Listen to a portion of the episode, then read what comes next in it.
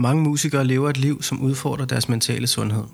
Høje krav fra ens selv og omverdenen, brugen af sig selv som markedsføring, økonomisk ustabilitet, præstationspres, høj konkurrence samt svingende døgnrytmer kendetegner blandt andet hverdagen for mange musikere.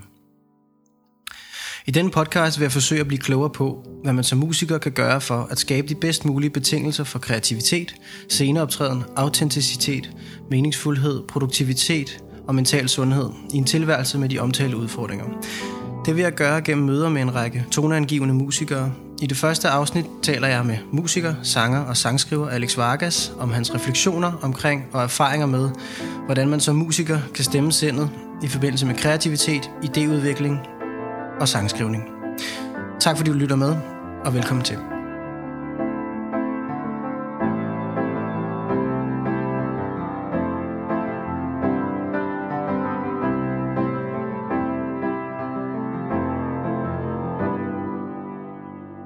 Velkommen til, Alex. Tak skal du have.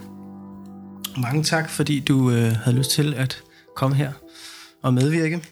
Lige til at starte med, Alex, kunne jeg godt tænke mig at høre, du har lavet en lang række interviews tidligere. Hvordan har du det egentlig med at være i sådan en interview-situation? Jamen, det har jeg det sådan set fint med. Øh, jeg tror, øhm, det kommer meget an på personen, man snakker med. Der er jo, øh, der, øh, og hvad det skal handle om. Og jeg tror også, det er meget humørpræget lige for mit, for mit vedkommende. Men det er sådan en meget... Nogle dage er det, er det nemmere at lave interviews, der, der handler om ingenting. Som mm. handler om bare det at underholde. Øhm, og, øh, og andre dage, så er det rigtig spændende at, at, at gå ind i et interview som det her, for eksempel, hvor øh, der skal tales om nogle mere dybdegående, mere, mere seriøse ting. Ja. Øhm, jeg forstår. Så øh, du føler dig nogenlunde klar til netop det sidste her med, øh, hvad kan man sige, at gå ind i det her rum, ja, hvor vi lige netop kan tage fat i nogle ting, som øh, forhåbentlig også kan underholde, men også, ja. også noget andet. nu må vi se. Altså, jeg tænker lige til en start, at lige introducere dig lidt med nogle nedslag, fordi de fleste, der lytter med, kender dig godt. Men det kan være, at der sidder en, som ikke øh, er bekendt med dig. Og af den grund, så tænker jeg lige at, at, at tage nogle nedslag i sådan en introduktion af dig og din øh, musikalske, sådan, eller din historik med musikken, mm. kan man sige.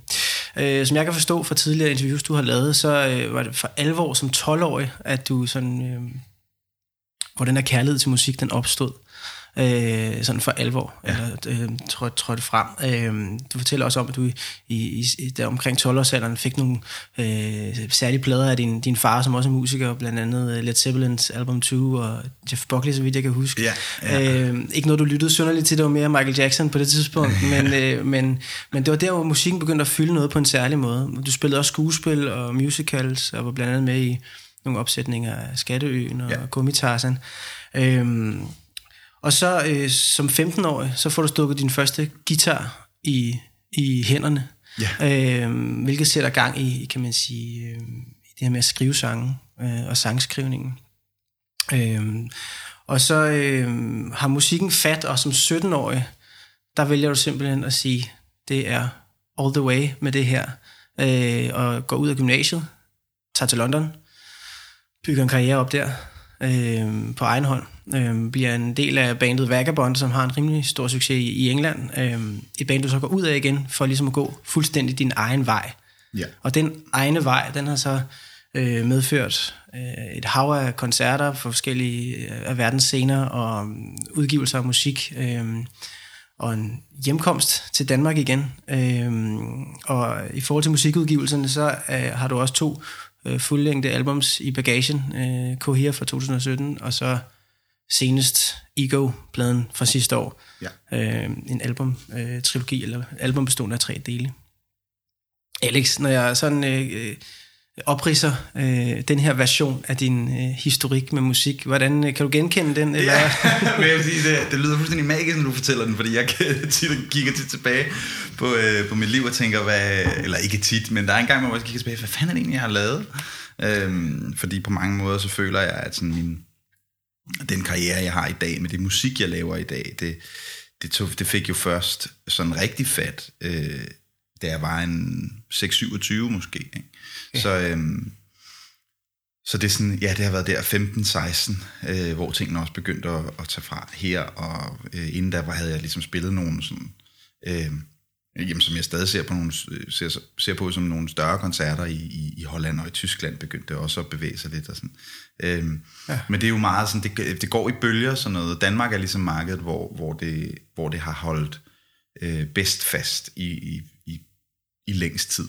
Øhm, okay. Sådan har været mest consistent.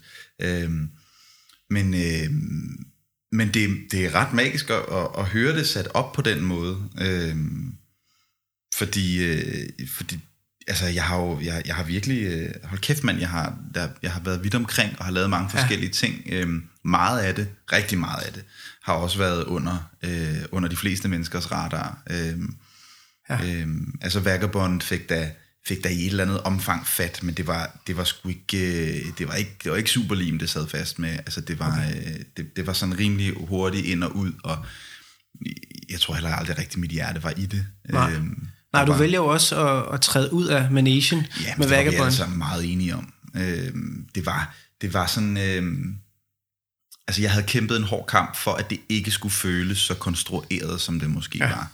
Øhm, og, øh, og jeg havde jo selv været med til at konstruere det, men, men øh, det var i en eller anden jagt på at skulle være med i et band, og jeg tror, jeg ledte efter et, et, et fællesskab, som, som øh, det nok gik op for mig, at det kan ikke, det kan ikke konstrueres. Mm. Det, det er noget, som, som skal komme naturligt. Og det er ikke fordi, at man ikke kan stable, øh, stable noget på benene, der involverer nogle mennesker, som ikke kender hinanden, og det fælles, fællesskab så ikke kan opstå.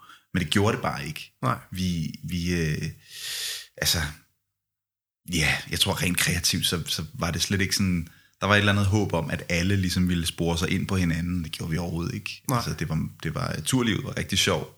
Det var noget, vi kunne være enige om.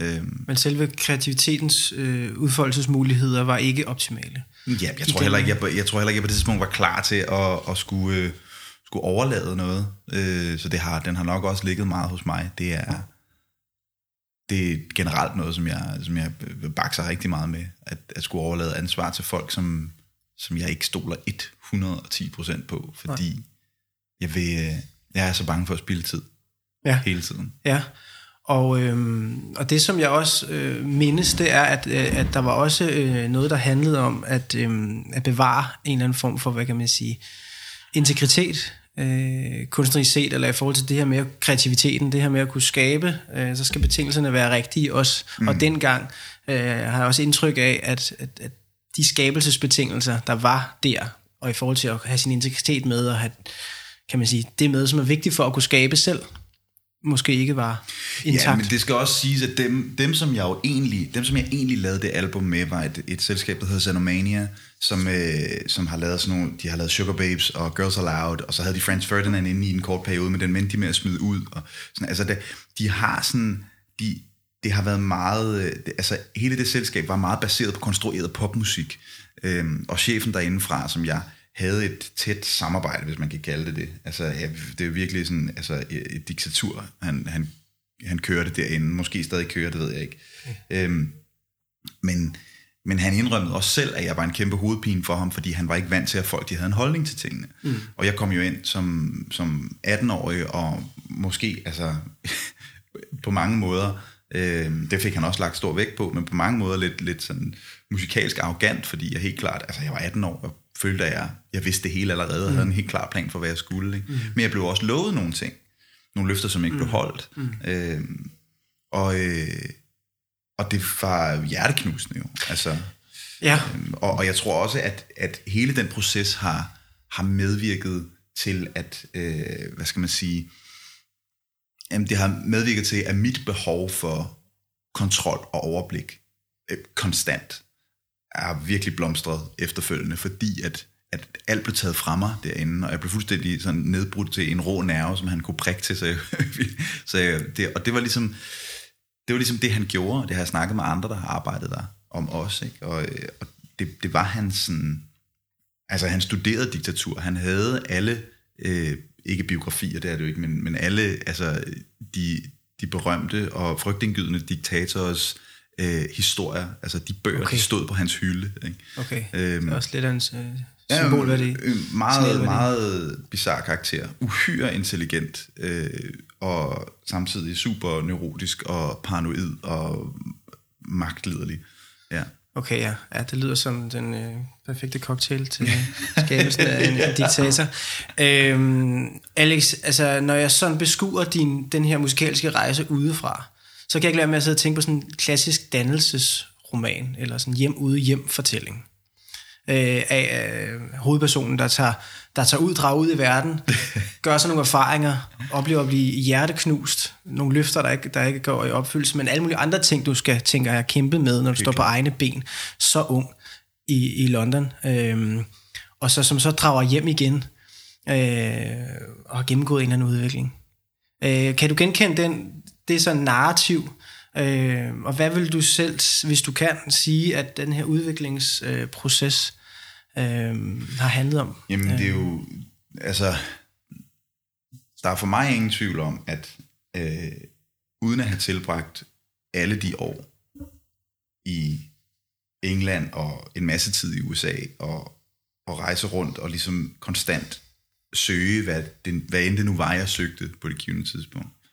Øh, uden alle de oplevelser, så ville jeg ikke være den musiker, jeg er i dag. Så kan man synes, hvad man vil om den musiker, jeg er i dag, men det var ikke, jeg var ikke nået til det samme resultat, uden at have alt det med i bagagen. Og det inkluderer også Brian, fordi han har virkelig været en, øh, ikke fordi det skal blive bibelsk, men han har jo mm. været testen for mig. Ikke? Mm. Og, og den efterfølgende tid, hvor jeg var øh, fuldstændig slået ud, øh, og, og virkelig skulle, øh, skulle brugt meget energi på at skulle finde mig selv og lysten til at blive i musikken. Det var der, jeg for alvor fandt ud af, hvor meget det rent faktisk betød for mig, fordi at jeg havde, jeg havde ingen penge, og det var ikke, fordi jeg havde brugt dem på noget, som jeg kunne sælge. Mm. Øhm, og, og jeg havde også arbejdet i tre år i et format, som var en andens format. Så jeg kunne slet ikke sådan, det der med at bare samle en akustisk guitar op og skrive en sang, det skulle jeg, det skulle jeg ligesom huske, hvordan man gjorde igen. Øhm, og det var først, altså det der med at sådan, det for mig var ligesom bunden mm. øhm, i, i mine 20'ere. Og, og at jeg stadig blev ved med at lave musik, det gik op for mig, hvor meget jeg, jeg jo så måtte elske det, mm. hvis jeg rent faktisk mm. var villig til, selvom det, selvom det var, var så svært, ja. at jeg så bare havde et eller andet, en eller anden form for behov for at blive ved. Ikke? Ja. Øhm, Ja, der, har, ja, der havde øh, musikkens øh, betydning noget sådan slidstyrke i det, må man sige. Mm. Øhm, øh, præcis. Jeg tænker også øh, overvejelserne omkring overhovedet at tage, tage afsted øh, i, i, i første omgang, der som 17-årig, gå ud af gymnasiet, øh, træffe sådan en beslutning. Kan du huske tilbage til, til det tidspunkt, og hvilke overvejelser du gjorde dig omkring? Jamen, det var, det var sådan rimelig... Øh det var rimelig kortfattet, tror jeg. Der var ikke så meget, der var ikke så meget at tænke over. For mig, så, så, så øh, altså, jeg tror, jeg vejede det op som en hvilken som helst 17-årig ville veje det op. Vil du lave lektier, eller vil du lave musik? Mm. Øhm, mm. Og jeg var ikke god til lektier. Jeg havde gået på en folkeskole, hvor vi rent faktisk, øh, eller det var måske ikke skolen, det var måske lærerne, jeg ved ikke hvorfor, men, men, men vi, det var ikke så mange lektier, vi fik med hjem. Vi fik meget tid til at lave vores lektier i skolen. Øhm, så jeg levede også en barndom med en masse, frihed, masse fritid og frihed. Mm. Øhm, i, i, i det format dyrket en masse sport, og øh, boede jo i, i, en, i, i Hørsholm, en lille forstad, og med hvad, 10.000 mennesker, og cyklede og stod på rulleskøjter alle steder hen, og gik til, altså havde tid til at gå til fodbold to gange om ugen med kamp i weekenden, og badminton gik jeg til tre gange om ugen, og sådan, altså, det var øh, en meget social barndom, og det der med at komme i gymnasiet var en kæmpe omvæltning, mm. og det tror jeg, det er for de fleste. Mm. Øhm, men når jeg hører om, hvor meget tid øh, mennesker har brugt på lektier i folkeskolen, så må jeg næsten veje op, at for mig har det været en... Altså, jeg gad det slet ikke. Nej. Jeg var slet ikke interesseret i det. Og Nej. jeg gik endda på matematisk, som jeg sådan... Fordi jeg elskede min matematiklærer i folkeskolen. Men det viser sig, at sådan... Så god var jeg sgu ikke til matematik. det var meget forholdet med læreren, det handlede om, ikke? Så, ja. så der var ikke sådan... Da, da jeg pludselig så en mulighed for at rejse til et andet land og og bare fokusere på musik. Jeg tror også, der var noget, i, der var noget sådan med at, at starte forfra. Okay. Jeg havde medvirket i nogle, i nogle musicals, ja. og den ene af dem havde, havde været, øh, der var blevet lavet, der var noget tv-dækning på det på var det TV2, tror jeg, og, og jeg havde, Jamen altså, jeg havde sådan været en, en, en lille smule i medierne, og i nogle korte perioder nok til, at, sådan, at gå på strøget, så var der børn på min alder, som kunne kende mig, mm. og, og det havde jeg lidt svært ved at håndtere som, en, som 14-årig. Ikke? Mm. Og, øh, og det var så ikke længere siden, end at, da jeg, end at da jeg kom i gymnasiet, så var der stadig nogen, der kunne huske det. Og jeg tror, det der med, at min identitet skulle være forudbestemt, mm. det kunne jeg virkelig ikke lide. Så drømmen om at tage til et andet land, hvor jeg bare kunne give hånden og introducere mig selv som lige præcis den 17-årige, jeg gerne ville være. Mm. Øh, som var på det tidspunkt nok mest af alt en rockmusiker, mm. hvilket jeg overhovedet ikke var. Men mm. jeg var, en, jeg var om noget en, en meget, meget, meget uerfaren sangskriver i lærer. Ikke? Ja. Men, øh, Men så dig selv som rockmusiker? det ville jeg gerne. Jeg havde en far, der var, ja. har en far, der var rockmusiker, så det var, det, jeg tror, der var stadig, jeg var stadig en alder, hvor det var sådan, jeg identificerede mig meget med, hvad min far han havde været. Ikke? Ja, hvis du får Led Zeppelin album 2 øh, stukket i hånden som 12-årig. Ja, som 4-årig, 5-årig faktisk. Nå, okay, der, ja, okay. 5-årig tror jeg, det var, det var helt, helt ung, da, da jeg fik dem. Det var, det var sådan en, dem her får du brug for en dag. Og der har jeg også haft, altså uden tvivl. Ja. Øhm, men ja, så, øhm, så det der med ideen om at komme til, til England og øh, selv bestemme, og ingen far og mor, mm. og, øh, og så i øvrigt at bare blive sat i forskellige sangskrivningssessions i tid og utid, det var altså fuldstændig fantastisk. Ja, og det er noget af det, jeg godt kunne tænke mig, at vi, ber- vi berører lidt nu. Øhm, og så tager vi lige et spring øh, Ja. helt frem til, til sidste år, eller processen med at skabe yes. Yes. øh, ego. Øhm, du har i, i, tidligere interview fortalt, at du øh, altså i forbindelse med den her øh, ego-plade brugte forskellige sider af dig selv øh, til at, det gør du givet altid, når du skriver musik, men helt, mere konkret det med forskellige sådan sider som perfektionistiske side, eller den frembrusende side, og så videre. Og brugt det i sangskrivningen helt konkret. Og i et øh, afsnit af den, øh, af det radioprogram, der hedder Sangskriver på B3, øh, hvor du skriver en sang med verden, der er i, i, i den her sangskrivningsproces i inde i, så på et tidspunkt, så eskorterer du den perfektionisten ud af studiet. Øh, Men jeg synes var, var helt, øh, helt forrygende, øh, fordi at perfektionisten spændte ben for jeres kreative proces. Ja. ja. Jeg kunne godt tænke mig at høre lidt, Alex, omkring perfektionisten. Jamen helt sikkert. Jeg synes jo, det er sindssygt spændende, fordi det var et, det var en, det var et værktøj, jeg, jeg blev givet, da jeg... Den første øh, psykolog, eller terapeut, tror jeg faktisk, hun kaldte sig, øhm, det var, som jeg gik hos, det var, mens jeg boede i Holland, og jeg, jeg var virkelig, min kreativ, kreativitet var sådan helt forknudret, og, og det, det ledte til nogle, nogle ret... Øh, nogle ret tunge tanker, og, og, og, og en, sådan, mit sind var sgu, det, det var svært at være i. Virkelig svært at være i, og det påvirker jo en i privatlivet, også når man er så påvirket på arbejdet, specielt når, når arbejdet er noget, som man, som man holder så meget af, og står så meget alene med, mm. som jeg har, har valgt at gøre i, i lange perioder. Ikke? Mm. Øhm, men min terapeut der, Hanna, hun... Øh, i vores første session, der fortalte jeg ligesom om, om øh, hvordan og hvorledes, hvordan jeg havde det, og hvad det var, der var svært for mig, og hvad det var, jeg, var, jeg følte, jeg havde brug for hjælp med. Og til den næste session, jeg kom, der lagde hun ligesom ud med at sige, okay, nå, jeg, jeg har hørt dig, og jeg tror, at det, du kæmper rigtig meget med, det er perfektionisme. Jeg tror, der er en perfektionist i dig, som kommer rigtig meget i vejen. Det spottede hun utrolig hurtigt. Måske har det været super åbenlyst. Det, det ved jeg ikke. Men jeg synes jo, det var, sådan, det var fantastisk at få at vide. Ikke? Mm. Øhm, og så fortalte hun mig om den her øvelse, som... Jeg kan ikke huske, hvad den hedder, men det er noget med... Den er, den er baseret på noget, en udvikling af en teori, som, øh, som Carl Jung, hvis nok, har skrevet om. Og øh, jeg ved ikke, om det er nogen, der har studeret ham, eller studeret hos ham. Jeg har ingen anelse om, hvor, hvor gammel han, øh, eller hvornår han var, var fra. Men hende her, Hanna, hun havde i hvert fald læst nogen, som var gået meget op i Carl Jung. Mm.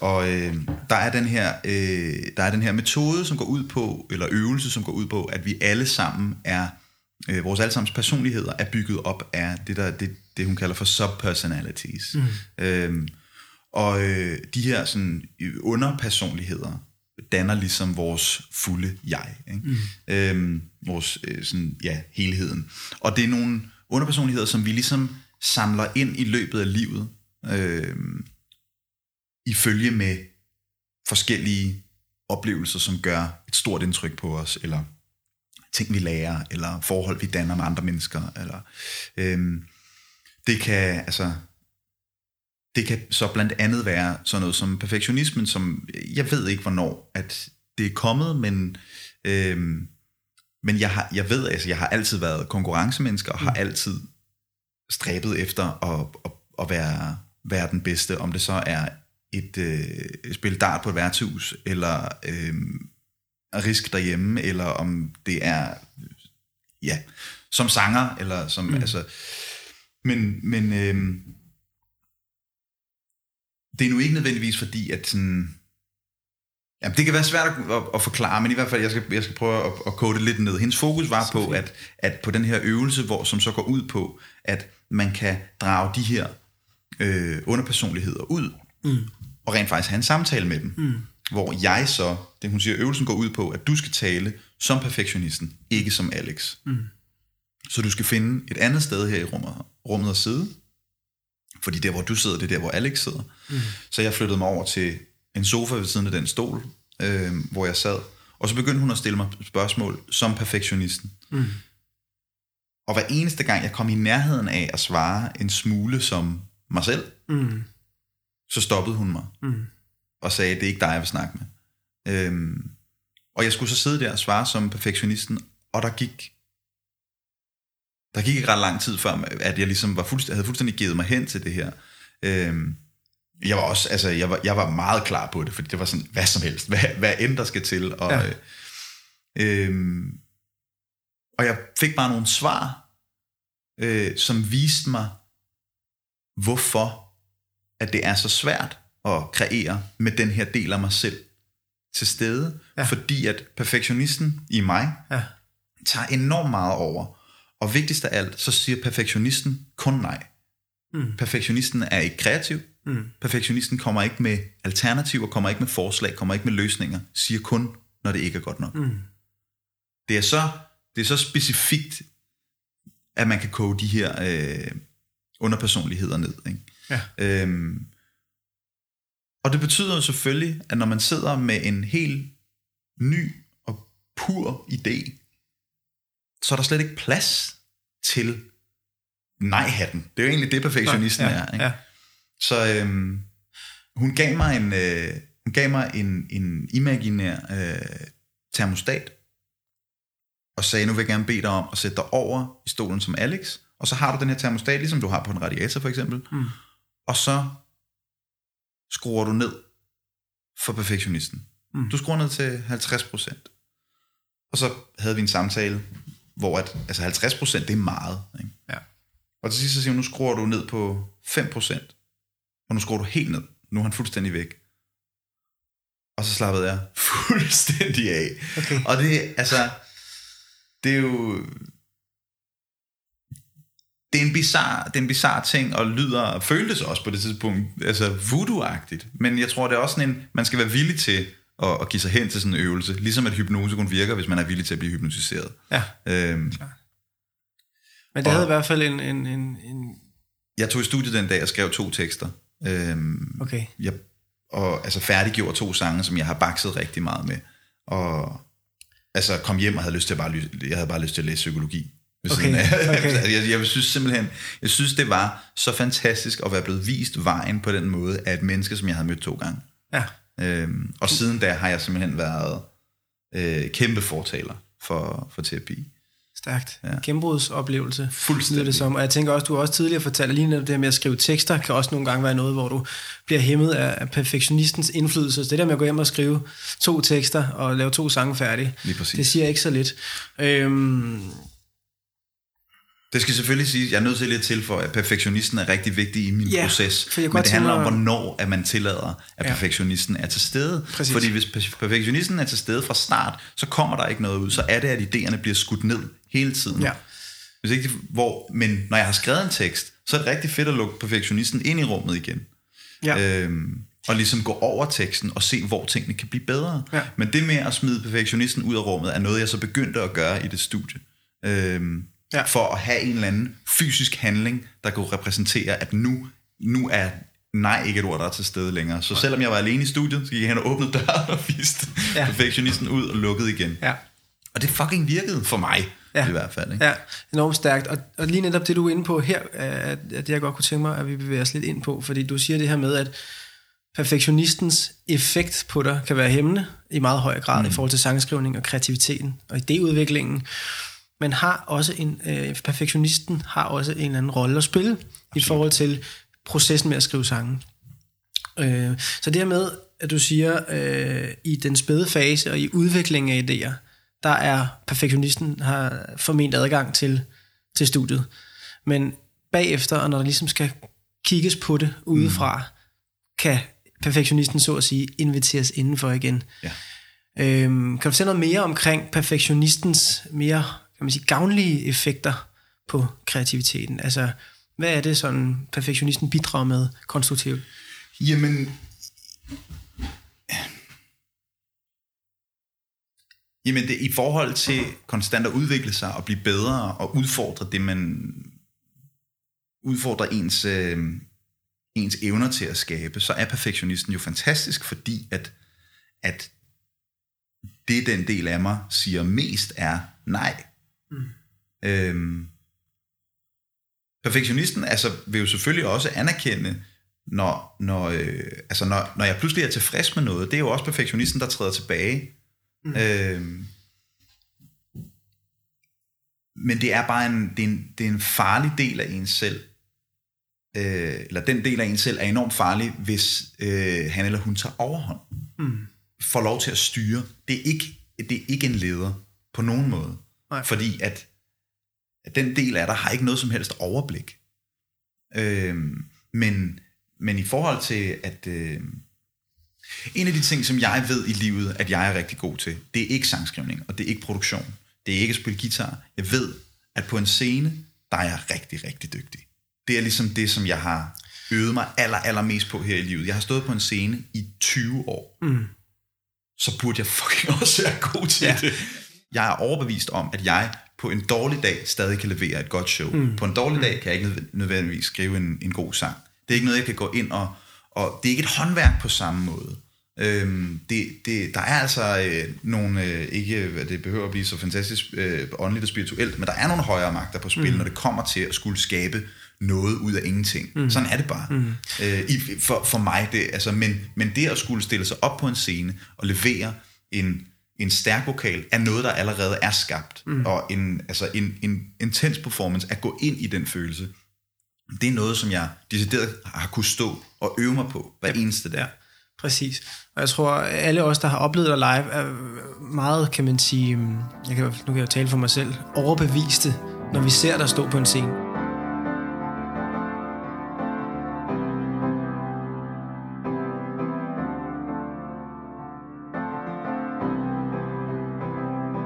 Du talte før omkring det her med kontrol, øh, og have kontrolbehov, eller have brug mm. for det, ligesom er fuldstændig ned til mindste detalje styr på, hvordan det skal være.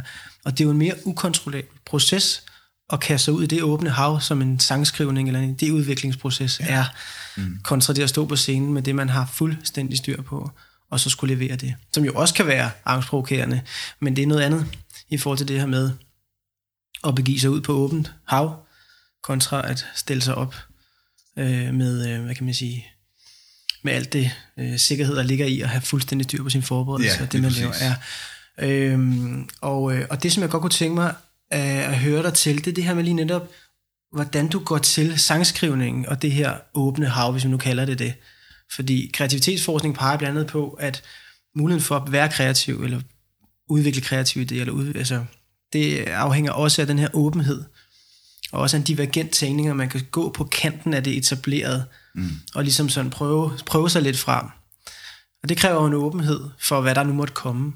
Hvordan kan du genkende til det, eller hvordan går du til det her med at skabe? Hvornår opstår jamen, det? Jamen det synes jeg er meget, øh, det, det synes jeg rammer øh, ret præcist i forhold til at, at, at skulle holde fast i, i, i den åbenhed, og ligesom lade der ske, hvad der nu skal ske. Jeg tror også, jeg er sådan...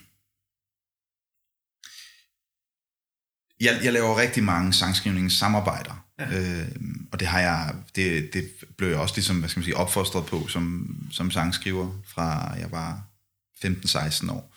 Øhm, og øh, lige så meget som jeg elsker at, at skrive på egen hånd, så synes jeg, at, at, at samarbejdet med en anden sangskriver, og hvis der ovenikøbet er en sangskriver, som man klikker godt med, det er fuldstændig uvurderligt. Mm. Øhm, men der er noget sådan, det, jeg tror, der hvor det er mest frygtindgydende, det er nok, når man skal indgå i et, et nyt samarbejde, når man skal skrive en sang med en, som man, man ikke har mødt før. Fordi der er det, jeg godt kan, der er det perfektionisten godt kan have en tilbøjelighed til at komme op i mig, fordi jeg gerne vil fremstå som, altså den del af mig kan tage mm. overhånd, og vil enormt gerne fremstå som perfekt. Så mm. alle idéer skal være gode.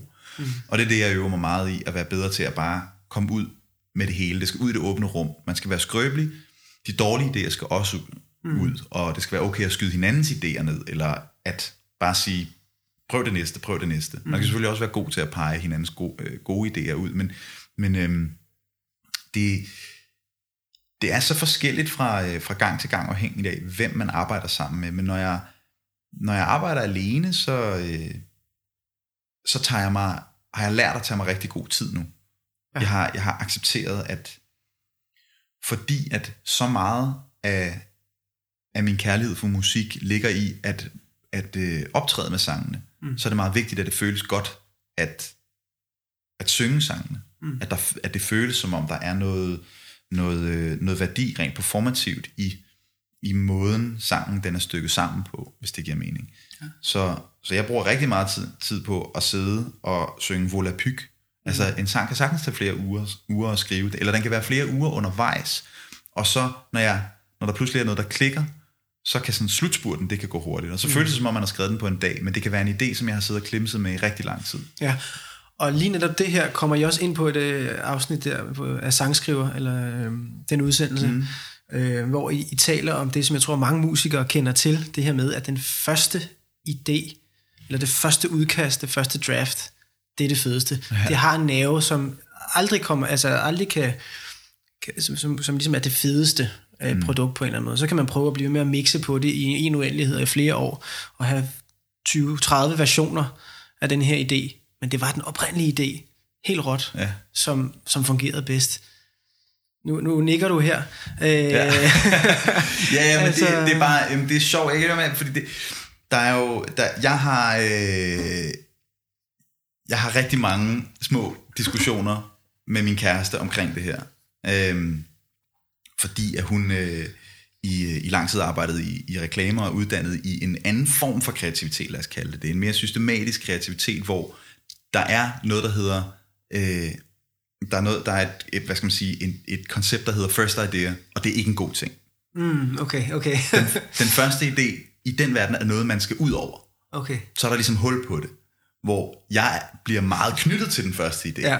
Fordi det føler jeg sådan, fordi at alt for mig øh, i kreativitet handler om instinkter, mm. og, og sådan, hvad der bare sådan, det var det, der skete naturligt. Ikke? Mm.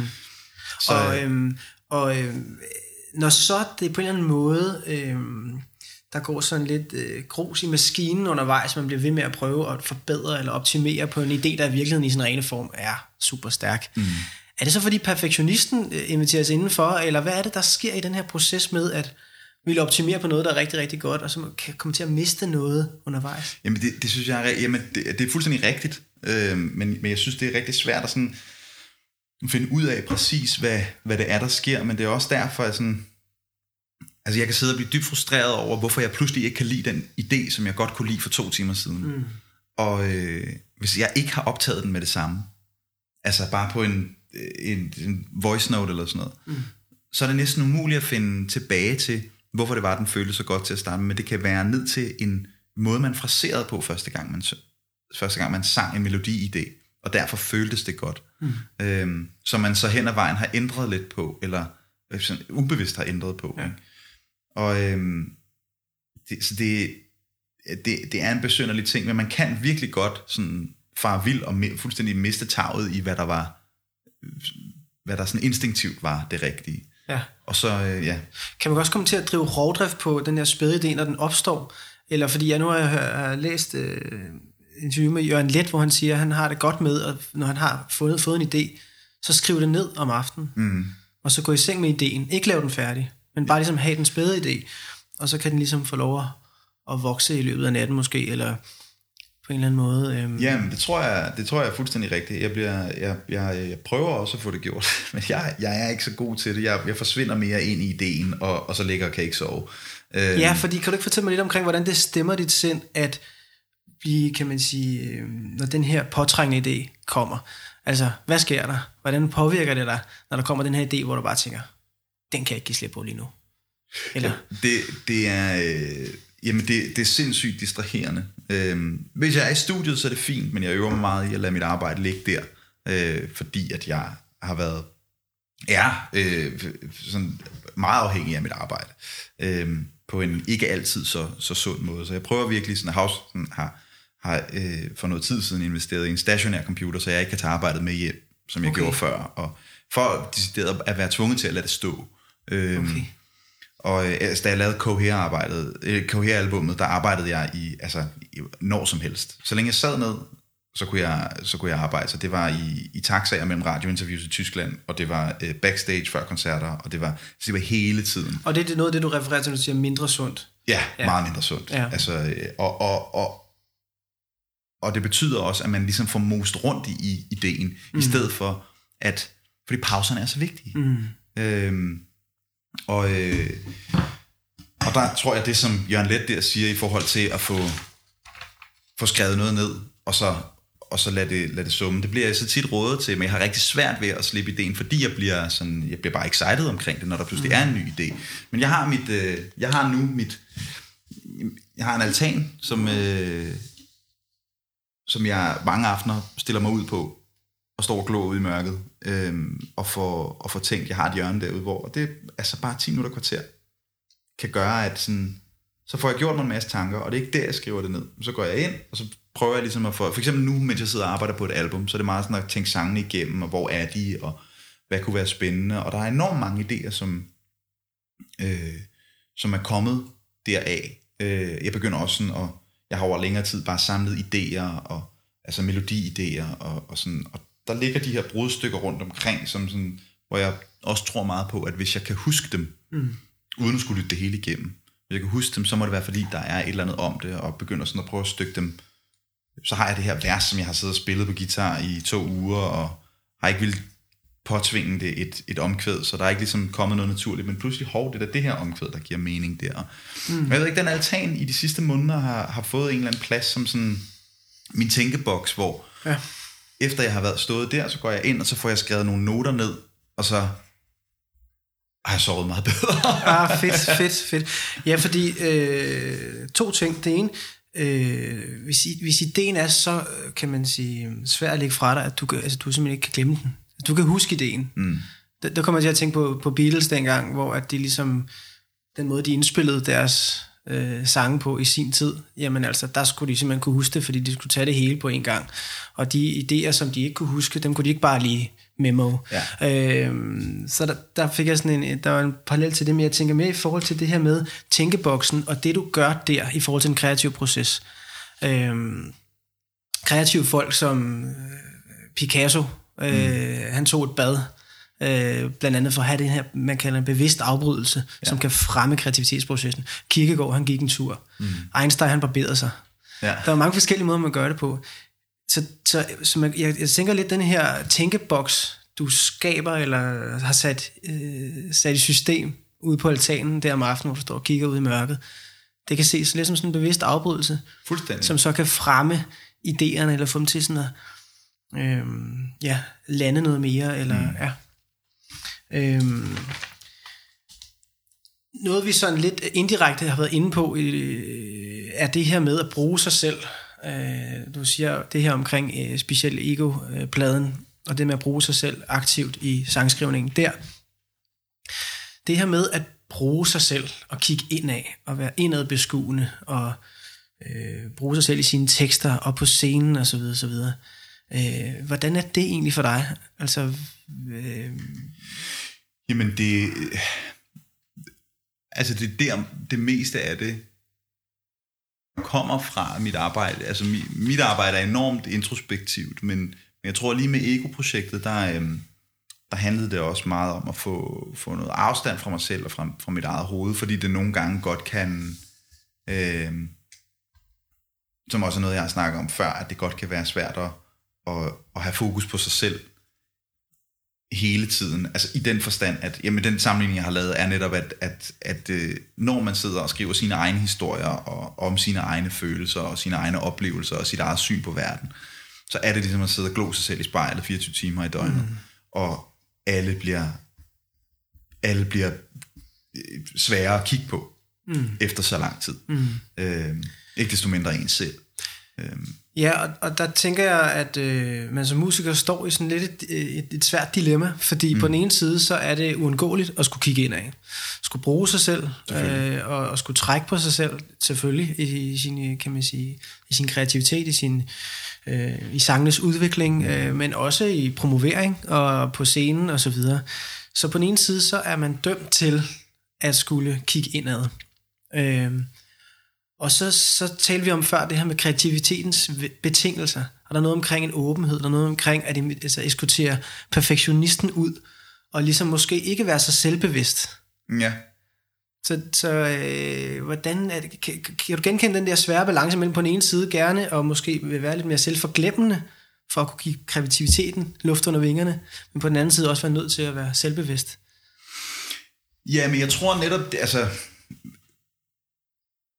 det er, det at tage, det at skrue fuldstændig ned for perfektionisten, det er at, at ligesom tage, tage ham helt ud af billedet, giver jo netop en frihed, fordi der ikke er nogen, der står og siger nej. Så mm. det, det, åbner ligesom, det åbner ligesom op for, at man kan bare prøve hvad som helst af. Det giver en eller anden form for villighed i den kreative proces, til bare at sådan tage imod alt, hvad der nu kommer. Øhm, og med, altså man må gå ud fra med, med større valgmulighed, og bedre overblik, så må man jo også kunne opnå et bedre resultat. Fordi hvis du har endnu flere idéer at vælge imellem, så statistisk set, så må der også være flere af dem, der er gode. Mm. Øhm, mm.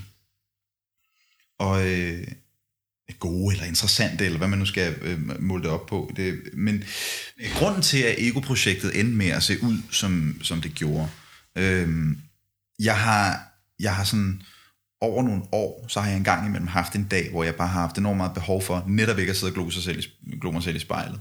Og at bare skrive på en måde, hvor, hvor jeg ikke stod tilbage med en følelse af, at jeg skulle stå til ansvar for, hvad der blev sagt. At, øh, og jeg har kaldt det min sideprojektsdage. Mm. Øh, og nogle af de sange er landet på øh, på andet afsnit af Ego. Øhm, ja. Og det var øh, det er den, der hedder Ego Trip med Girls on Millionaires på. Ja. Og de dage, der har sangene, der er sangene kommet enormt nemt, fordi de sådan er skrevet, jeg har taget afstand fra det. Øh, og er det rigtigt? Du skrev ikke den sang, som, det var ikke tiltænkt øh, dig selv? Ikke. Nej, det er ikke. Og hvis det var, så var det tiltænkt som noget som sådan et sideprojekt, men hvor hver eneste gang, jeg har gjort det, så er der ikke nogen, der har ville, nogen på mit hold, der har ville lade mig give de sange væk. Men de har også godt kunne se, at det ikke rigtig har passet ind i mit univers. Så de ligesom endt med at ligge der. Ikke? Ja. Blandt andet... Øh, øh, øh, Live Alone er der en sang på, øh, på Ego Trip, der hedder, som, som også er, det er en sang fra, jamen jeg boede stadig i London, det er øh, 3-4 år siden, at jeg skrev den, tror jeg. Øh, og det var bare sådan en dag, hvor jeg, jeg kunne slet ikke holde ud og skulle sidde og skrive til mig selv. Øh, så jeg lavede noget andet, fordi jeg havde stadig et eller andet behov for at, at skabe noget. Ikke? Ja. Så jeg lavede bevidst noget, som ikke lød som mig.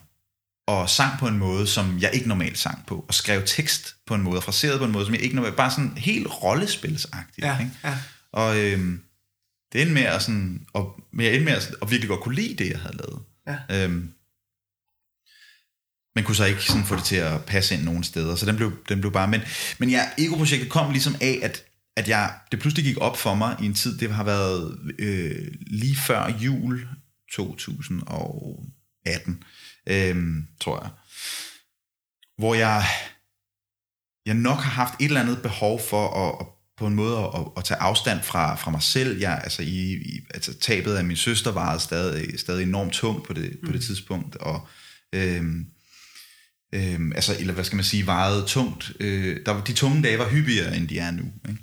Ja. Øh, og, øh, og ideen om at skulle lave et album var, var lidt fjern fra mig. Øh, samtidig med, at jeg gerne ville distraheres øh, i sorgen. Så øh, jeg havde skrevet nogle sange, som var kommet helt naturligt sådan af, af behov, og det er de sange, som, som er på, på den, det tredje afsnit af, af altså Egomaniac, hedder ja, det. Ja. Øhm, og dem havde jeg ligesom bare liggende, og vidste ikke rigtigt, hvad jeg skulle bruge dem til, men det, jeg vidste bare, det var, det var nogle sange, der var skrevet af behov, og som handlede om sorg. Ja. Øhm, så var vi i gang med at udgive musik, som vi tænkte skulle blive til en EP eller et album, og det var der ikke rigtig nogen plan om. Jeg havde rigtig svært med det der sådan en sang af gangen proces med, altså så ser vi, hvad der sker, og så skal vi tage stilling til, hvad den næste single er. Og så, men øh, der var der ligesom udgivet nogle sange, som egentlig sad meget fint som noget, der kom i halen af Cohere. Det tror jeg på det tidspunkt var Silent Treatment og uh, Now That I Think About It og What You Wish For var på vej ud. Ja. Og så... Øh, men over den juleferie der, hvor jeg ligesom bare slukkede for det hele, der fik jeg gjort mig, altså apropos pausen, det var mm. sådan en længere pause, men der fik jeg gjort mig nogle tanker, og det gik op for mig, at jeg, jeg havde faktisk nok sange til et album, men men de, hvis du puttede dem på shuffle, så ville det være meget forvirrende, men der var rent faktisk en chance for at sådan fuldstændig strukturere øh, min videregående proces derfra, øh, ja. som var at, at putte det i de her tre kasser, som hver især kunne leve et liv, der gav mening. Ja. Øh, og ved siden af hinanden, sådan, så kunne de kunne så sådan binde sammen rent visuelt, men det var en måde at, at konceptualisere min kreative proces derfra, og strukturere den på en måde, sådan så det ikke var noget, jeg skulle tage stilling til i et år. Ja. ja. Øhm, så, og så var sangene der, og det var sådan, det var helt klart et projekt, som jeg lavede. Øh, det, var, det var musik for min egen skyld, mere end det nogensinde havde været. Øh, jeg, var, jeg var ret ligeglad med, hvordan folk de tog imod det. Øh, fordi det må også have været en særlig tid at, at skrive sange øh, for dig, altså den Præcis. periode der, ikke? Og behov for selvfølgelig at finde en eller anden form for lys i det mørke, som musikken mm. måske så kunne være her. Øh, jo, fuldstændig. Ja. Men også en måde ikke at skulle... Fordi det, det var svært at sætte sig ned og skrive en sang om andet, end, ja. end at have mistet min søster. Ja. Øhm, og de sange, jeg havde skrevet om det, de var kommet hurtigt, naturligt, øhm, og det havde været en terapeutisk proces. Ja. Øhm, så det at skulle sætte sig ned og skrive for meget mere, det, det, det virkede øh, smertefuldt. Så ja. at rent faktisk have materiale til at bare at kunne gå i studiet og begynde at optage nogle ting, tage stilling til, hvordan det lød, tage afstand fra fra, øh, fra sorgen, fra mit eget sind, mit eget, mit, mit eget hoved på en eller anden måde. Mm.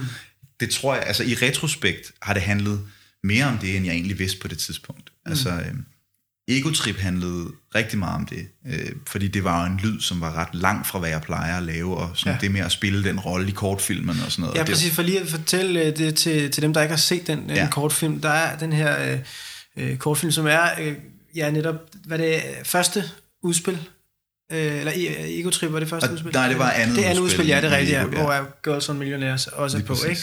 Hvor du i den her kortfilm, lige netop lidt ala i seancen med psykologen her, mm. øh, spiller den frembrusende side, ja. ego-siden, kan man ja. sige, øh, meget overbevisende. Øh, og, og, og, man kan godt se, at du har, du har trænet det der, ikke? Fordi det er, det er sådan virkelig øh, et sådan koncentrat af, af ego, ja. man ser i den her... Øh, og det er jo noget, vi alle sammen besidder øh, i, i, i forskellig grad. Men, men, men, men den, der spiller du i hvert fald den her side af dig i den her kortfilm, som så munder ud i musikvideoen, ikke, så vi kan huske også, ja. Øh, til, ja, til lige netop øh, Girls and Millionaires.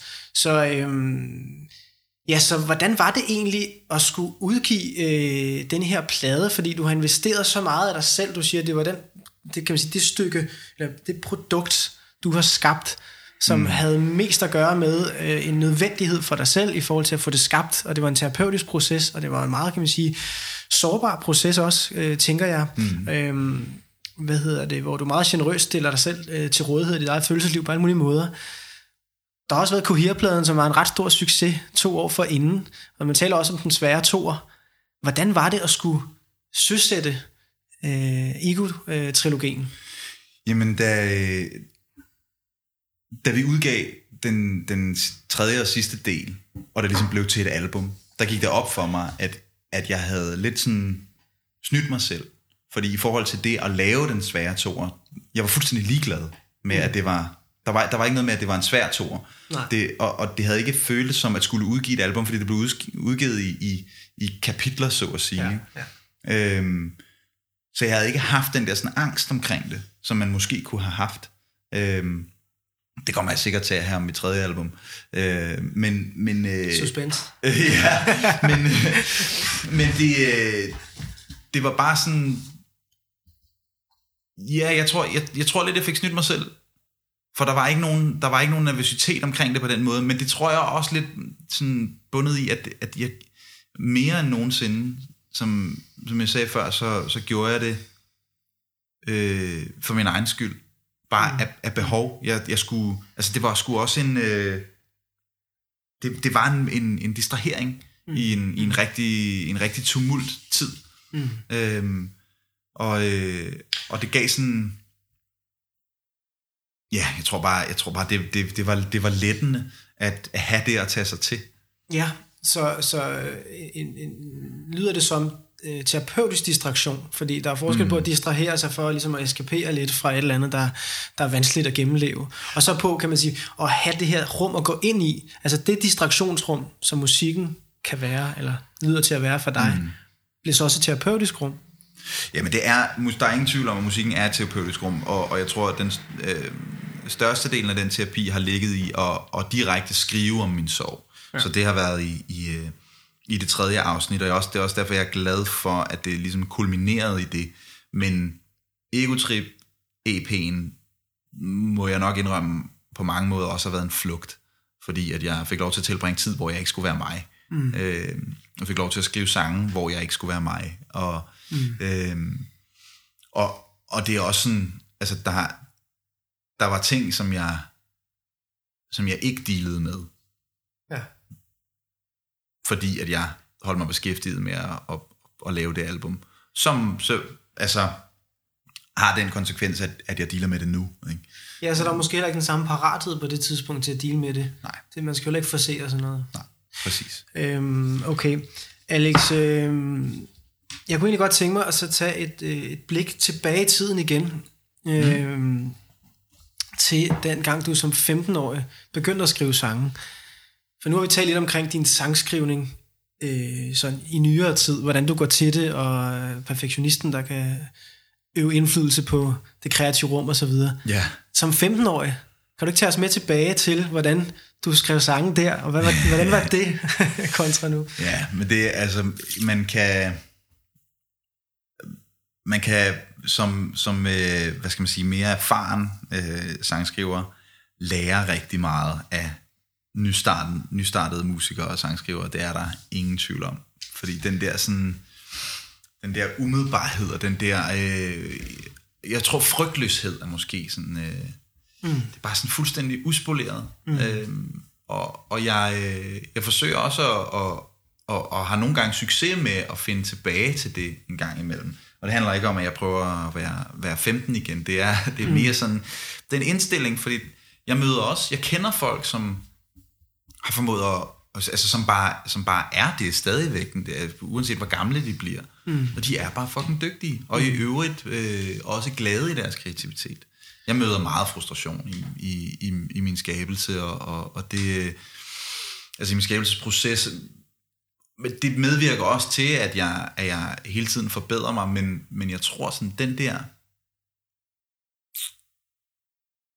den der frygtløshed, det, det, det, det skal man bare prøve at holde fast i, at, sådan, at ikke være bange for, at den idé, man kommer ud med, er dårlig. Ja. Fordi den, den skal ud. Hvis ja. du har en dårlig ja. idé, så skal ja. den ud, for ellers så står den i vejen for den næste. Ja, er vi, er vi ude igen, øh, hvis vi nu tager kreativiteten igen, og kreativitetens øh, vækstbetingelser, så at sige, på det åbne hav, altså når man som 15-årig eller som øh, nyopstartende musiker kaster sig ud i ting og er frygtløs, er det sådan noget med ligesom at kaste sig ud på det her åbne hav, for at finde ud af, jamen, hvad, hvad gemmer der sig her, altså under havets overflade eller ude i horisonten, hvor man øh, med tiden godt kan udvikle den her sådan øh, kritiske stemme, eller perfektionistiske stemme, mm. eller sådan evaluerende stemme. Øh, jo, men det har også noget at gøre med, at du begynder ligesom at have en track record, som du ja. skal holde dig selv oppe ja. imod. Ikke? Altså ja. nu har du ligesom leveret noget, og hvis det er blevet modtaget med, med positivitet, så vil du gerne opnå, opnå den modtagelse, eller ja. bedre igen. Ikke? Præcis. Så, øh, så hvis man har den mindste smule konkurrencemenneske i sig, og det har jeg meget af, mm så vil man jo hele tiden gerne have at vide, at man har gjort det bedre og bedre og bedre. Mm. Men den kurve, den er umulig at følge. Det ja. eksisterer ikke, og der er ingen, der har gjort det. Nej, og, og, og bedre ifølge hvem, fordi jeg tænker, hvad ja. kan man sige, du bliver også Godt. eksponeret for flere og flere og flere og flere. Du er efterhånden øh, ret mange, der følger med, øh, kan man sige, i det du udgiver, og, og når du står på scenen, er der også rigtig mange, der, mm. der følger, følger, følger salen ud, kan man sige, og flere og flere, så der er også mange blikke på dig. Øh, så den her sådan, hvad kan man sige, idé om, at man som musiker skal øh, kunne leve op til nogle forventninger, som bliver større og større, mm. både for en selv, men måske også for andre. Og hvad er det for nogle forventninger? Og det må også være en trængsel at være i det der forventningspres, altså man kan udvikle. Ja, øh, men, men jeg, jeg, altså, jeg holder fast i, at det er publikummet i rummet, man er nødt til at bedømme det på. Og så ja. ens egen opfattelse af det. Det er okay at synes, at man har haft et dårligt show. Men, fordi det, det betyder selvfølgelig, at man gør sig mere umage næste gang. Øh, men men det, det, altså, anmeldelser er så farlige. Ja. Øhm, jeg siger ikke, at de ikke er vigtige, og folk skal skrive, hvad de vil, og freedom of speech og alt det der, og det, det er fint. Men det er farligt at, at ligesom måle sig efter, hvor mange stjerner du har fået på de sidste show. Mm. Fordi det, det, det er sgu ikke gældende. Mm. Øhm, altså for det første, så er det jo bare, det er jo en persons opfattelse, øhm, men der er bare også det i det, at sådan, for eksempel lige da jeg startede med at, øh, at spille herhjemme i Danmark igen, i, hvad har det været, 2015-2016, jeg var, mm. jeg var helt ny, mm. der var et kæmpe overraskelseselement, mm. fordi der var nogen, der ikke vidste, at jeg var dansk, mm. og det gjorde, tror jeg har gjort, at der har været en eller anden sådan ekstra følelse af ejerfornemmelse over for at tænke, at, at den her, man gik måske ind med en med en anden forventning, og så, men så viste sig, at det hører til her. Mm. Øhm, og øh, det har jeg, altså det har jeg decideret fået at vide af, af folk, at de har haft den oplevelse. Mm. Ikke? Men der har også, mm. altså anmeldere blev, blev overrasket over, at, at, øh, at vi ligesom kom med, med det her show, som vi nu kom med. Mm. Senere hen, hvor jeg ved, at showet kun er blevet bedre, mm. øhm, og at fordi jeg har spillet mere, har øvet mig mere, at jeg er blevet så er jeg, er jeg blevet bedre, lyden er blevet bedre, mm. alle, har, alle er, er blevet bedre. Ikke? Mm. Men på et eller andet tidspunkt, så røg hypet, og så røg overraskelsen. Mm. Og så kommer folk ind med en forventning, også anmelderne, mm. og så begynder anmeldelserne at dale, og man mm. ser det ske med utallige artister. Mm. Og der er ikke noget galt i det, det er også okay, fordi det er jo stadig, det er stadig, den, det er jo stadig deres oplevelse lige der, mm. de baserer deres anmeldelse på. Men som artist... Ja, hvordan håndterer man det som artist? Jeg stopper med at læse dem. Okay. Øh, ja. det, det vil jeg anbefale til, til hvem ja. som helst. Altså ja. fedt, hvis du får fem stjerner, kæmpe skulderklap, tag imod mm. det, mm. alt hvad du kan. Men jeg har faktisk også stoppet med at læse gode anmeldelser.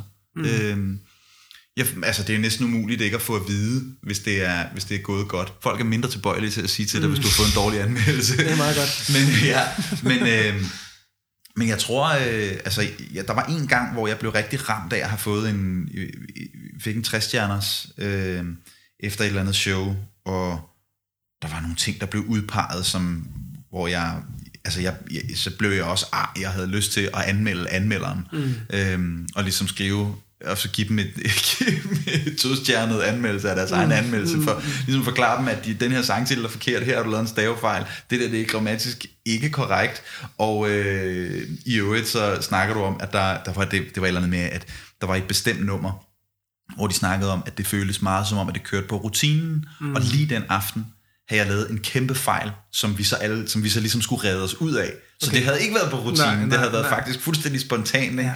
Så jeg var så sådan, jeg var så vred over, at ja. det, at vi har gjort det godt i den situation, har ja. gjort, at du har haft ja. en dårligere oplevelse. Ja. Men, øhm, men ja, det er, det er jo en rigtig stor magt, kan man sige på den måde, anmelder kan få, men der er noget med at mindske den magt, så at sige, eller den indflydelse, negative indflydelse, det kan have på en. Mm. Og ens selvbevidsthed og selvopfattelse, men også ens kreativitet og, og kan man sige, præstation og så videre. Ja, for det betyder ligesom for mig, at jeg begyndte at tænke over, at i de næste shows, vi spillede, Præcis. og pludselig påvirkede det min performance og sådan noget. Det, det går ikke. Nej. Altså, nu kan jeg ikke huske, hvordan vi kom herhen. Jeg føler, jeg Nej, nej, talt men altså, øh, nej, men det, det, det er simpelthen så fint. Jeg kan godt tænke mig sådan her, øh, øh, inden vi runder af, lige at, at komme ind omkring, hvordan det ser ud helt aktuelt for dig. Øhm, og jeg tænker blandt andet, at vi lige kigger på øh, det her med at være musiker øh, og være dig lige nu under, under den her coronakrise, som haver.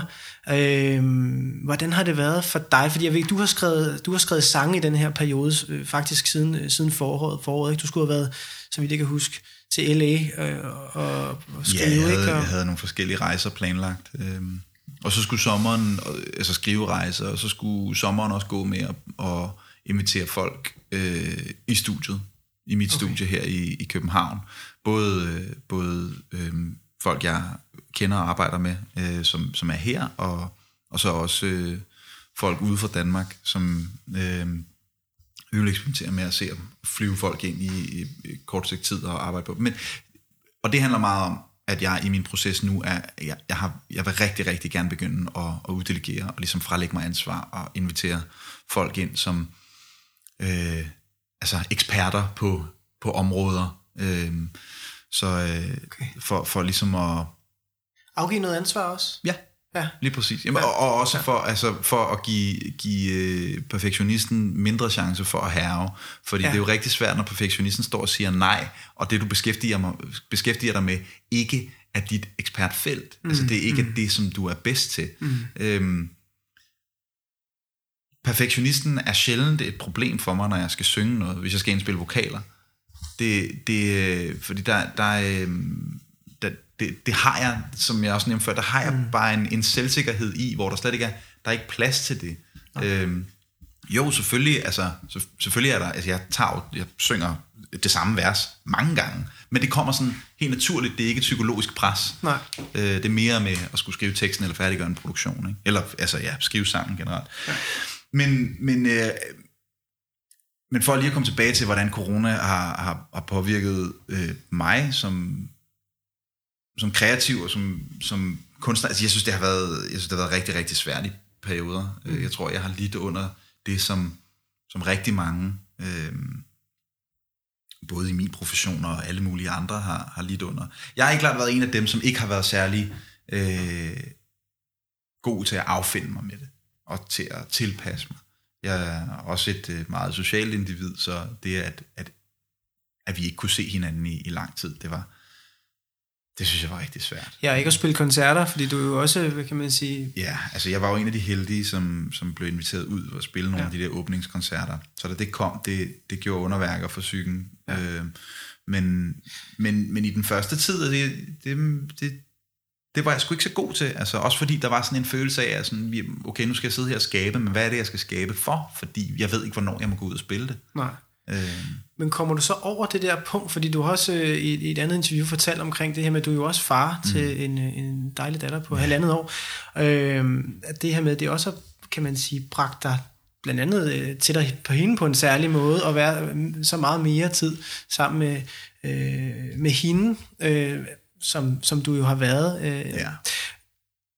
Så lad mig spørge, øh, kommer der et punkt, hvor det ligesom skifter det her med at have rigtig svært ved at acceptere det og affinde sig med det, og så kommer der noget accept, eller du affinder dig med det på en måde? Og så... jeg, husker det, jeg husker det lige så tydeligt. Det var, øh, jeg tror, det var tre uger efter lockdown. Heldigvis var det ikke længere end det. Øhm, at der, øh, det var faktisk en snak, jeg havde med min psykolog, hvor jeg fortalte ham, at det, det ligesom var gået op for mig, hvor, hvor, hvor mange gaver der egentlig var i det her. Fordi at det tvinger os til at at kigge på, hvordan, at, at ligesom se på, hvordan vi lever vores liv, mm. hvad vores tilværelse egentlig er, øhm, og, og hvordan sådan, de ting, som er blevet normaliseret i vores hverdag, øh, det, de ligesom er oppe i luften, og, og vi kan pludselig kigge på, hvad for, nogle, hvad for nogle af de her ting kan vi egentlig, har vi lyst til at, at, at få tilbage igen. Mm. Ligesom der er mange, der lærer, at de kan præstere lige så godt ved at arbejde hjemmefra, som de kan mm. ved at gå på kontoret. Mm. Det har jeg talt med flere om, at sådan, de vil prøve at holde fast i, at måske bare nogle dage, ja. så øh, kan det være, at man kunne få lov til at arbejde hjemmefra, fordi de, de kan vise tallene, de viser tydeligt, at de præsterer lige så godt, men de er gladere, og de har det bedre ved det, ikke? Ja. fordi de får mere tid med deres familie. Altså sådan nogle ting, det, Det synes jeg er, det synes jeg er rigtig vigtigt at tænke på, og jeg har som, som en, en, en ung far, som ikke gik på barsel, mm. øh, fordi at det var ikke sådan, det kunne lade sig gøre for, for os i vores familie. Øh, eller det skal jeg nok selv tage ansvar for, det var ikke sådan, det kunne lade sig gøre for mig. Øh, så betød det pludselig, at fordi at øh, min kærestes barsel var lige overstået, da, da tingene blev lukket ned, og institutionerne blev lukket ned, mm. og, og min datter Dolly, hun var lige startet i, i institution, men det var der så ikke mulighed for. Så måtte vi jo dele tiden op, så vi kørte halv arbejde mm. og halv hjemme med den lille. Og for en arbejdsnarkoman som mig, så var at skulle kigge frem på det, mm. det var så angstprovokerende. Men i retrospekt, så fik jeg pludselig, og da jeg fik affundet mig med vores rytme, mm. med hvordan vi kørte det. Mm. Vi kørte halv dag hjemme, halv dag på arbejde, fordi at jeg, jeg havde sindssygt meget brug for noget kontinuitet. Jeg sådan lider lidt under et mandagssyndrom. Der, der, der sker ikke altid så meget på en mandag. Øhm, så skal jeg sådan, skal lige, skal lige op i omdrejninger. Ja, ja. Øhm, og pludselig så føltes hver eneste dag, fordi jeg var i studiet hver anden dag, hver gang føltes det som en mandag, jeg fik bare ikke lavet en skid, og jeg kørte bare helt ned i, i et hul. Ikke? Ja. Men have den der halve dag, hvor jeg hang ud med min datter, på en måde, som jeg ikke havde gjort før, hvor jeg mærkede et forhold bygge sig op, som vi ikke havde haft før. Altså, vi vidste godt, at det var mig, der var far, og, ja, ja. og, og vi kunne sagtens lege rundt og have det sjovt, ja. men der var pludselig behov for mig på en anden måde, som jeg ikke havde mærket før. Og det er jo sådan, altså, det, det var jeg jo ikke klog eller vis nok til at kunne have regnet ud, men, men det kunne jeg så pludselig se efterfølgende, og kan se det nu, og, sådan, og vil aldrig nogensinde glemme den tid. Altså marts, april, maj 2020 er lige så svært, som det var på nogle punkter, så er det også der, hvor, hvor Dolly og jeg, vi fandt hinanden på en måde, som vi ikke havde endnu. Ikke? Ja, fantastisk. Mm. Så, så hvad kan man sige, det her med på en eller anden måde, at hvis man nu skal tale om det mere generelt, i forhold til at stå i den her svære situation. Øh, som musiker lige nu under corona, øh, fremtiden er stadig meget usikker og uvis. Yeah. Branchen bløder, styrt bløder, ikke? Jo. Det er jo en meget øh, usikker og, og svær situation at stå i. Øh, så, så kan man sige, man har jo det her begreb, at man nød lærer nøgen kvinde at spinde, og ja. kriser har jo, øh, hvis man kigger tilbage i historien, også kunne afføde øh, mange kreative øh, nyfund og, og, og lignende. Yes. Hvis vi nu skal tage den her erfaring, du har gjort der omkring at stå i den her coronakrise som musiker, og få det ud af den, du har fået, øh, og brede det lidt ud, øh, kunne man så sige noget, ikke nødvendigvis et godt råd, men et eller andet omkring, hvad, hvad der har været vigtigt, at man, hvad man måske kan, kan lade sig inspirere af, i forhold til ligesom at ja, komme bedst igennem den svære tid, vi også går i møde nu. Øh, er det sådan en... Jamen altså, det, det, øh, det er jo rigtig svært. Det, fordi vi er mange, der skulle have været på tur over sommeren, og vi er mange, som har turnéer i efteråret, som hvis ikke de allerede er blevet aflyst, så sidder vi og venter på at finde ud af, om de er det eller ej. Og hvis de ikke er aflyst, så skal vi turnere under nogle forhold, som har nogle økonomiske påvirkninger, som vi ikke helt kan forudse endnu, fordi altså der, så det, det er svært at være positiv om, om lige netop det turliv, som, som er der, hvor, hvor vi bløder aller, allermest mm. økonomisk. Ja. Øhm, det er svært for, altså, jeg er jo ikke den, jeg er ikke, øh, en, en, en artist som mig er ikke den, der er hårdest ramt. Mm. Den artist, der er hårdest ramt, er, er den artist, som lige har sagt sit vikarjob op, mm. for nu skal det have et fucking skud. Ikke? Den artist, som lige havde lavet, skrevet under på en pladekontrakt, eller som lige var klar til at udgive en, for første gang, da lockdown så ramte. Den artist, som efter alt det hårde arbejde, skulle endelig var kommet på festival line-uppet, mm. og skulle ud og bevise sit værd. Ikke? Mm. Det er fucking forfra for nogle af dem der. Det er så brutalt. Mm. Ikke? Mm. Øhm, men det jeg har sådan, er der, der, hvor jeg er nået hen til nu, det er, at jeg, jeg er simpelthen nødt til at se på det som, at jeg bare har fået tid. Mm. Øhm, og nu, når der er nogen, der sådan presser på for, at jeg skal skynde mig at udgive noget for at, at, at sørge for, at vi beholder en eller anden form for relevans her i den her tid. Jeg vil skide det et stykke. Mm. Jeg har fået tid til at skabe noget, fordi som du siger, det er nemlig ud af sådan nogle situationer her, at noget af den største kunst er blevet skabt mm. før i tiden. Mm. Øhm, det er af det er smerte, det er øh, det er ud af, af nød, ud af behov, ud af frustration og vrede, og øhm, at man så, altså, det, ja, jeg, jeg tror simpelthen, at man, man øh, lige, så, lige så frustrerende det er, så lad være med at, så lad være med at, man må bare ikke sætte sig ned og vente på, at, at alt bliver, og nu laver jeg godseøjne, normalt igen. Mm. For det, det her er mm. nok det nye mm. normalt. Mm. Ikke? Mm. Så, øhm, så forhåbentlig kommer der en vaccine på et tidspunkt, men, men corona går ikke væk. Nej. Altså. Så, så apropos dagens tema omkring kreativitet, så er der også noget med omkring, altså se på, hvor kan man også være kreativ i forhold til at imødegå eller imødekomme en situation, som er forandret. Mm. Altså blivende forandret, ja. og som ikke vender tilbage til det, der var før, og så stå i det. Og der er jo det her kinesiske skrifttegn, som består af to symboler mulighedssymbolet og faresymbolet. Så du appellerer til, at man prøver at se mulighederne også, selvom det kan være enormt svært, og selvom mm. situationerne er vidt forskellige. Og der er nogen, der lige netop, som du opriser meget fint, står i en exceptionelt svær situation. Øhm, så det her med at prøve alligevel at affinde sig med så godt man nu kan, den situation, der er.